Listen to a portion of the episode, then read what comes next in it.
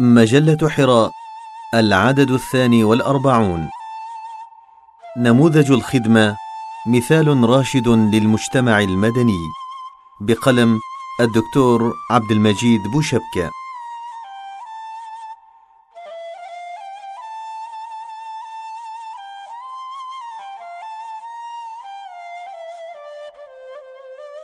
معلوم لدى أهل الاختصاص أن مؤسسات المجتمع المدني المعاصرة تتميز بنوع من العموم والخصوص في نفس الآن. فهي عامة من حيث طبيعتها المنفتحة المشتركة بين عدد من المتطوعين والمستهدفين لكنها تكتسب خصوصيتها من مبادئها التي تعول عليها تفكيرا وتخطيطا وتنزيلا. إن الفلسفة الليبرالية في نظرتها إلى المجتمع المدني ترى أن مصلحة المجتمع تتحقق عبر مجهودات الأفراد الهادفة إلى تحقيق مصالحهم الخاصة عاملة بل داعية إلى تحجيم دور الدولة في إدارة المجتمع ومنع تدخلها في الحريات الفردية. فجون لوك مثلا كواحد من زعماء هذه الفلسفة يضع الفرد مقابل المجتمع له حقوق طبيعية خالدة مقدسة وسابقة على وجود المجتمع. وفي مقابل ذلك يرى الفيلسوف هيجل استنادا إلى منهجه المثالي الجدلي أن التاريخ يعد مسرحا لتطور الفكر المطلق والدولة في نظره هي أرقى تجسيد لهذا الفكر وعليه فإن حرية الأفراد عنده في مهب الريح إذ من خلالها تستوعب الدولة المجتمع المدني بل تلغيه. ثم يأتي كارل ماركس وفي إطار منهجه التاريخي يرى أن المجتمع المدني يعد ميدانا للصراع الطبقي غير مبال بمحورية العوامل الفكرية والثقافية في ذلك. وأخيرا يأتي الفيلسوف جرامشي ليعيد ترتيب الأمور من جديد فيقرر بأن قضية المجتمع المدني ليست ساحة للصراع الاقتصادي بل ساحة للصراع الأيديولوجي منطلقا من التمييز بين السيطرة السياسية والهيمنة الأيديولوجية. ولأن الرأسمالية الجامحة لا يهمها إلا الربح المادي وبأي ثمن، فقد حاولت أن تبدع منهجا لإدارة الصراع الطبقي الذي يتخبط فيه العالم الغربي، فنجحت نسبيا في ترويض المتصارعين من خلال منحيين. الأول العمل على وضع يدها على أجهزة الدولة والمنح الثاني الاكتساح الأيديولوجي والثقافي للمجتمع المدني. أمام هذا الصراع المتوحش الذي يعد إحدى ثمار الفلسفة الغربية بين أجهزة الدولة ومؤسسات المجتمع المدني وقف المجتمع المدني في العالم الإسلامي المثخن بالجراح الداخلية والضربات الخارجية متفرجا لمدة طويلة. فلما حاول الانطلاق تفرقت به السبل قددا. ففريق رفض السير كلية في هذا المنحى واعتبر الحل هو مخالفة المجتمع العلماني والرجوع على سيرة السلف الصالح للاقتداء بهم دون العناء في البحث عن كيف ومن أين ومتى. وفريق ثان نادى بالسير في مسار الدول الغربية التي حققت نجاحات بينة في كثير من المجالات.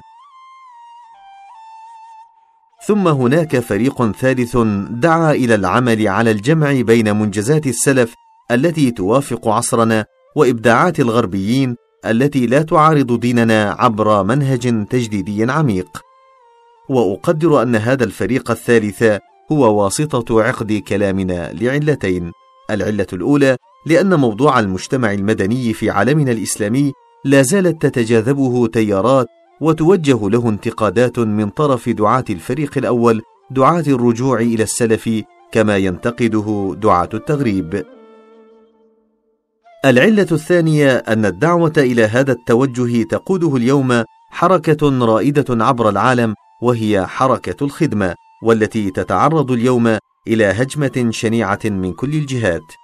الأولى بعض مؤسسات الدولة التي روضتها الراسماليه المتوحشه وغررت بأهلها والتي باتت تلهث وراء الربح المادي. الثانية المجتمع المدني الذي سممته الراسماليه المتغطرسة حتى بات يرى الصراع طريقا سهلا لحصد المغانم والفوز بالمناصب. والجهة الأخيرة تتمثل في دعاة التقليد والركون إلى ما أنتجه لنا الأجداد حيث يعتبرون العمل المدني الجديد الذي تميزت به حركة الخدمة انسلاخا عن الأصول وارتماء في أحضان مشبوهة.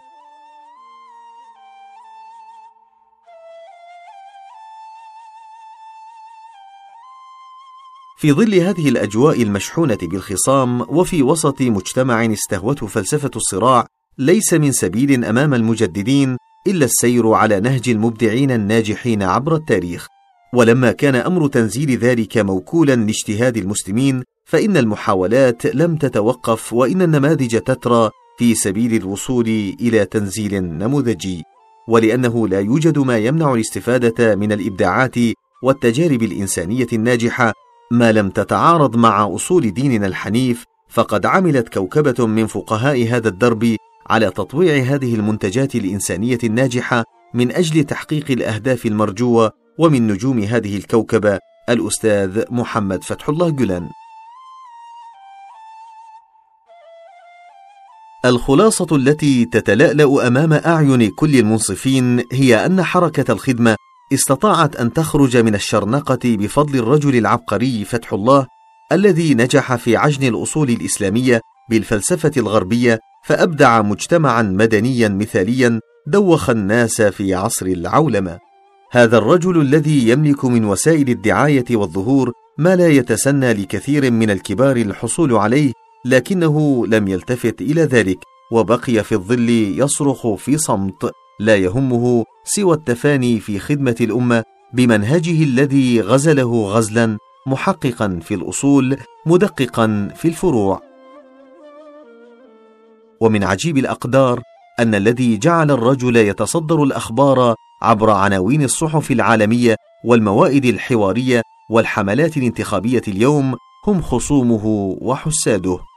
ولله در أبي تمام حين قال مادحا أحد العلماء لما ولي القضاء وإذا أراد الله نشر فضيلة طويت أتاح لها لسان حسود لولا اشتعال النار فيما جاورت ما كان يعرف طيب عرف العود لولا التخوف للعواقب لم تزل للحاسد النعمى على المحسود. نعم لقد استطاعت حركة الخدمة أن تقدم للمجتمع المدني العالمي نموذجا راشدا للعمل المدني أبهر الخصوم قبل المؤيدين. حركة نماذجها من ذاتها نحتتها عبر سنوات وهي اليوم تقدم أمثلة حية على العمل المدني في كل مجالات الحياة وبدون استثناء. عمل ضرب جذوره في أصول وثوابت الأمة وتوغل في آليات ومناهج المؤسسات الغربية المعاصرة بل وتفوق عليها في بعض الأحيان. كل ذلك لم يكن لحركة الخدمة أن تبلغه لولا تعاملها الموفق مع تحديات الأمة وقضايا الناس وأجوبتها المتميزة على عدد من الأسئلة التي ظلت جماهير الأمة تنتظرها منذ عقود. فتأمل قول الأستاذ جلن ومع أن الحركة تستهدي بقيم الإسلام فإن مشاريعها التي يقوم عليها المتطوعون العاملون في إطارها متماشية مع القيم الإنسانية الهادفة إلى تعزيز الحريات الفردية وحقوق الإنسان والتعايش السلمي بين جميع الفئات. ومن ثم وجدت ترحيبا في 160 دولة حول العالم ولقيت قبولا صريحا أو ضمنيا مباشرا أو غير مباشر من جنسيات ودول وأديان مختلفة. أما الذي يردده البعض من فرية ممارسة الخدمة للعمل السياسي فهو أمر يحتاج كثيرا من الفهم والتدقيق حول مفهوم السياسة ومفهوم السلطة وعن أي سياسة وسلطة نتكلم. هل هي سياسة شرعية أم وضعية؟ هل هي سياسة العالم الغربي أم سياسة العالم الشرقي؟ هل هي سياسة الأمة أم سياسة خصومها؟ هل هي سياسة أدعياء الشرق أو الغرب من الذين يتسلمون السلطة في أجنحة الظلام؟ هل هي سياسة المستلبين أو المغرر بهم من الذين لا لون ولا رائحة ولا طعم لسياستهم بل لا يهمهم أي قطار ركبوا؟ هل هي سياسة الذين كفروا بكل السياسات وتركوا الميدان فارغا؟ هل هي سياسة الدراويش الذين قبلوا بالحصة والساحة والقضية التي منحت لهم؟ هل هي سياسة المتنطعين الذين أغرقوا الساحات بدماء كثير من الأبرياء؟ إن رؤية حركة الخدمة للعمل المدني يتجاوز الرؤية السياسية الضيقة التي أريد لأمتنا أن تنحشر فيها بكثير. إن تصور العمل المدني عند الأستاذ جولان لا يفهمه إلا من صبر على التأمل في فكر الرجل ورؤيته العميقة لمشروعه الحضاري الإنساني العميق. فتأمل هذا الكلام: إن الأحزاب السياسية والانتخابات الحرة هي شروط أساسية للنظام الديمقراطي، ولكنها لا تكفي بمفردها، فالأداء الفعال والسلس للمجتمع المدني هو أمر مهم كذلك، ومن الخطأ القول إن الانتخابات هي الطريقة الوحيدة لمساءلة السياسيين أمام عامة الناس، حيث إن المجتمع المدني يستمر بمراقبة السلطة الحاكمة ليرى ما إذا كانت تفي بوعودها أم لا، وذلك من خلال الإعلام والمناشط المجتمعية المختلفة وفعاليات عديدة أخرى في إطار القانون مثل عرائض الاكتتاب ورسائل شبكات التواصل الاجتماعية. وبالرغم من أن نشطاء الخدمة التقوا على مبدأ عدم الانخراط في السياسة الحزبية وعدم السعي نحو السلطة، لكن هذا لا يعني أن يتخلوا كمجتمع مدني عن مسؤوليتهم وصلاحيتهم في مساءلة السلطة السياسية ورقابتها. وبما أن الخدمة ليست تكوينا بنيويا ولا تنظيما مركزيا هرميا، فليس هناك وجهة نظر سياسية واحدة يتبناها جميع المشاركين فيها، كذلك ليس من المعقول القول إن حركة كهذه منحازة إلى حزب بعينه فضلا عن أن تكون منخرطة فيه. فللمتعاطفين معها اختياراتهم السياسية الخاصة ولا تفرض الحركة أي وجهة نظر معينة عليهم ولا تتدخل في هذا الموضوع على الإطلاق.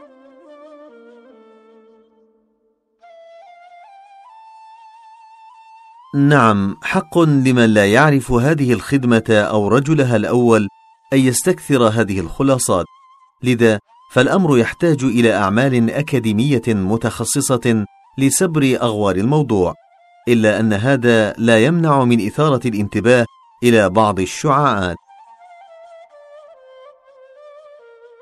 الشعاع الأول من الضوابط الجوهرية الضامنة لتميز العمل المدني عند حركة الخدمة واستقلاليته وأصالته ارتكازه على الأساس التوحيدي الذي يربط كل سيادة أو سلطة أو تشريع بالله تعالى، ثم يأتي دور الجماعة الإنسان ليجتهد في تفريغ ذلك وتنزيله وفق ما يحقق مصالح الناس في الحياة.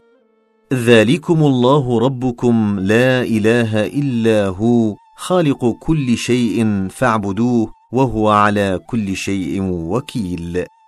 والمتأمل في كتابات الأستاذ جولان وخطبه يلحظ سيطرة هذا النفس في كل المناسبات والقضايا التي يتطرق إليها بل إنه يغرق في بعض الأحيان إلى درجة اتهام البعض له.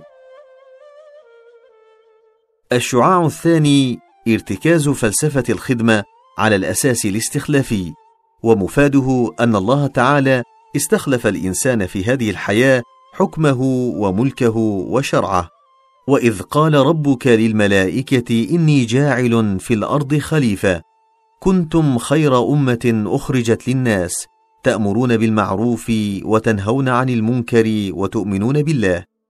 ولعل هذا واسطة عقد الاتهامات التي توجه لحركة الخدمة إذ في الوقت الذي يعتبر رجال الخدمة قضية التعبير عن الرأي جزءا من واجب الاستخلاف بمنطق المسلم وحقا من حقوقه بلغة الفلسفة الغربية يعتبره المخالفون لحركة الخدمة تدخلا فيما لا يعنيهم وتجاوزا لاختصاصاتهم. والحال أننا رأينا كيف كانت قضية الأمر بالمعروف والنهي عن المنكر زمن الرشد الإسلامي من صميم مهمة العلماء فضلا عن عامة المسلمين. ولعل قوله عمر الفاروق رضي الله عنه مشهورة في هذا الباب لا خير فيكم إن لم تقولوها ولا خير فينا إن لم نسمعها يقصد كلمة الحق والآثار في هذا الباب كثيرة. ولقد رأينا في عصرنا أن المطالبة بالحقوق والحريات في زمن العولمه يعد حقا من الحقوق المقدسة يحاكم بموجبها الرؤساء وتسقط بسببها الحكومات. صحيح أن كل الحركات الإصلاحية تنطلق من هذه المرتكزات التي لا ينكرها مسلم لكن محل الشاهد وماذا بعد؟ ماذا بعد الإيمان والتسليم بالأصول؟ وكيف نفهمها؟ وكيف ننزلها وما هي الوسائل ما المناهج وكيف نجعل العام والخاصة والكبار والصغار من الناس يقبلون على هذه البدائل لنقول للجميع تعالوا انظروا هذه بدائلنا هذا إعلامنا هذه مؤسساتنا هذه مشاريعنا هؤلاء رجالنا هذه أمتنا. فأي نمط من الممارسة المدنية قد يروق لمعارضي حركة الخدمة والناقمين على أهلها؟ علما أن هذه الحركة تفننت في تقديم نموذج للمجتمع المدني جديد جمع بين ضروريات وأصول الإسلام ومحاسن الفلسفة الغربية فطالبت بإحقاق الحقوق ونشر العدالة واحترام الحريات وكل ذلك من خلال منهج مليء بالتلطف والتعايش والحكمة والحلم. وتلك أسباب مركزية في منهج الخدمة جعلت العديد من الأعيان والحكومات السابقة تتعاون معها. فكيف استحال التعاون اليوم في ظل ظروف مليئة بالمفارقات؟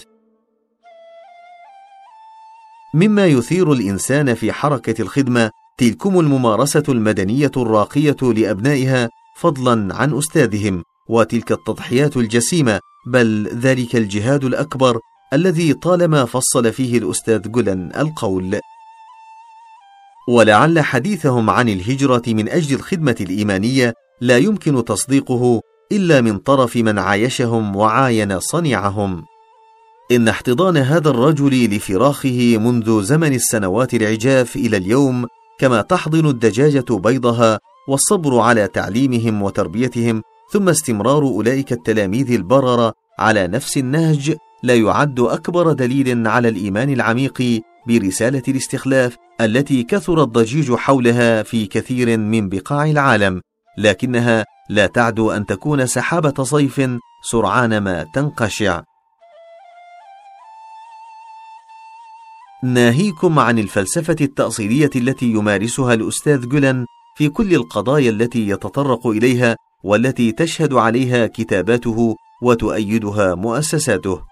من ذلك شرحه لحديث النبي صلى الله عليه وسلم الذي رواه تميم الداري رضي الله عنه قال سمعت رسول الله صلى الله عليه وسلم يقول ليبلغن هذا الأمر ما بلغ الليل والنهار ولا يترك الله بيت مدر ولا وبر إلا أدخله الله هذا الدين. إن الإيمان العميق بهذه الرسالة الإنسانية العالمية والاحتراق من أجل إبلاغها لهي أعلى درجات العمل المدني نظرا لما تحمله في طياتها من التنمية العميقة والصلاح الحقيقي تتعدى آثاره عالم الدنيا إلى عالم الآخرة والأمثلة على ذلك كثيرة كثيرة. لقد استطاعت حركة الخدمة أن تؤسس لمجتمع مدني جديد بناء على رؤيتها التجديدية المبنية على التلطف في التعامل مع كل الطبقات وفي كل المستجدات. والتفاني في تقديم البدائل التي أبهرت عالما من أعيان أمة التوحيد في القرن العشرين بداية من التربية السلوكية العالية ومرورا بالتربية التعليمية التي باتت سمتها الغالبة ثم سلطة الإعلام التي نكلت بمجتمعاتنا الإسلامية وحيرت عقلاء الأمة وغررت بشبابها إلى عدد من رجال المال والأعمال الأصلاء الذين وقع لثلة منهم في زمن العولمة ما وقع لأصحاب الأخدود حتى خيروا بين الطرفين ولسان الحال يقول لهم من ليس معنا فهو ضدنا. إلى أن جاءت وصفة حركة الخدمة التي وحدت كثيرا من صفوفهم وحررت عددا من أنانيتهم وحبهم للدنيا حتى أصبحت أموالهم ملكا لغيرهم. فقال قائل منهم كلما أنفقنا درهما أخلفه الله لنا فزادت ثقتنا بالله وآمنا يقينا بقول الأستاذ فتح الله لنا إن المال مال الله ونحن لسنا إلا عبيدا له مستخلفين فيه وعلينا أن نصونه. إنه الشهود الحضاري للمجتمع المدني الذي تصنعه حركة الخدمة.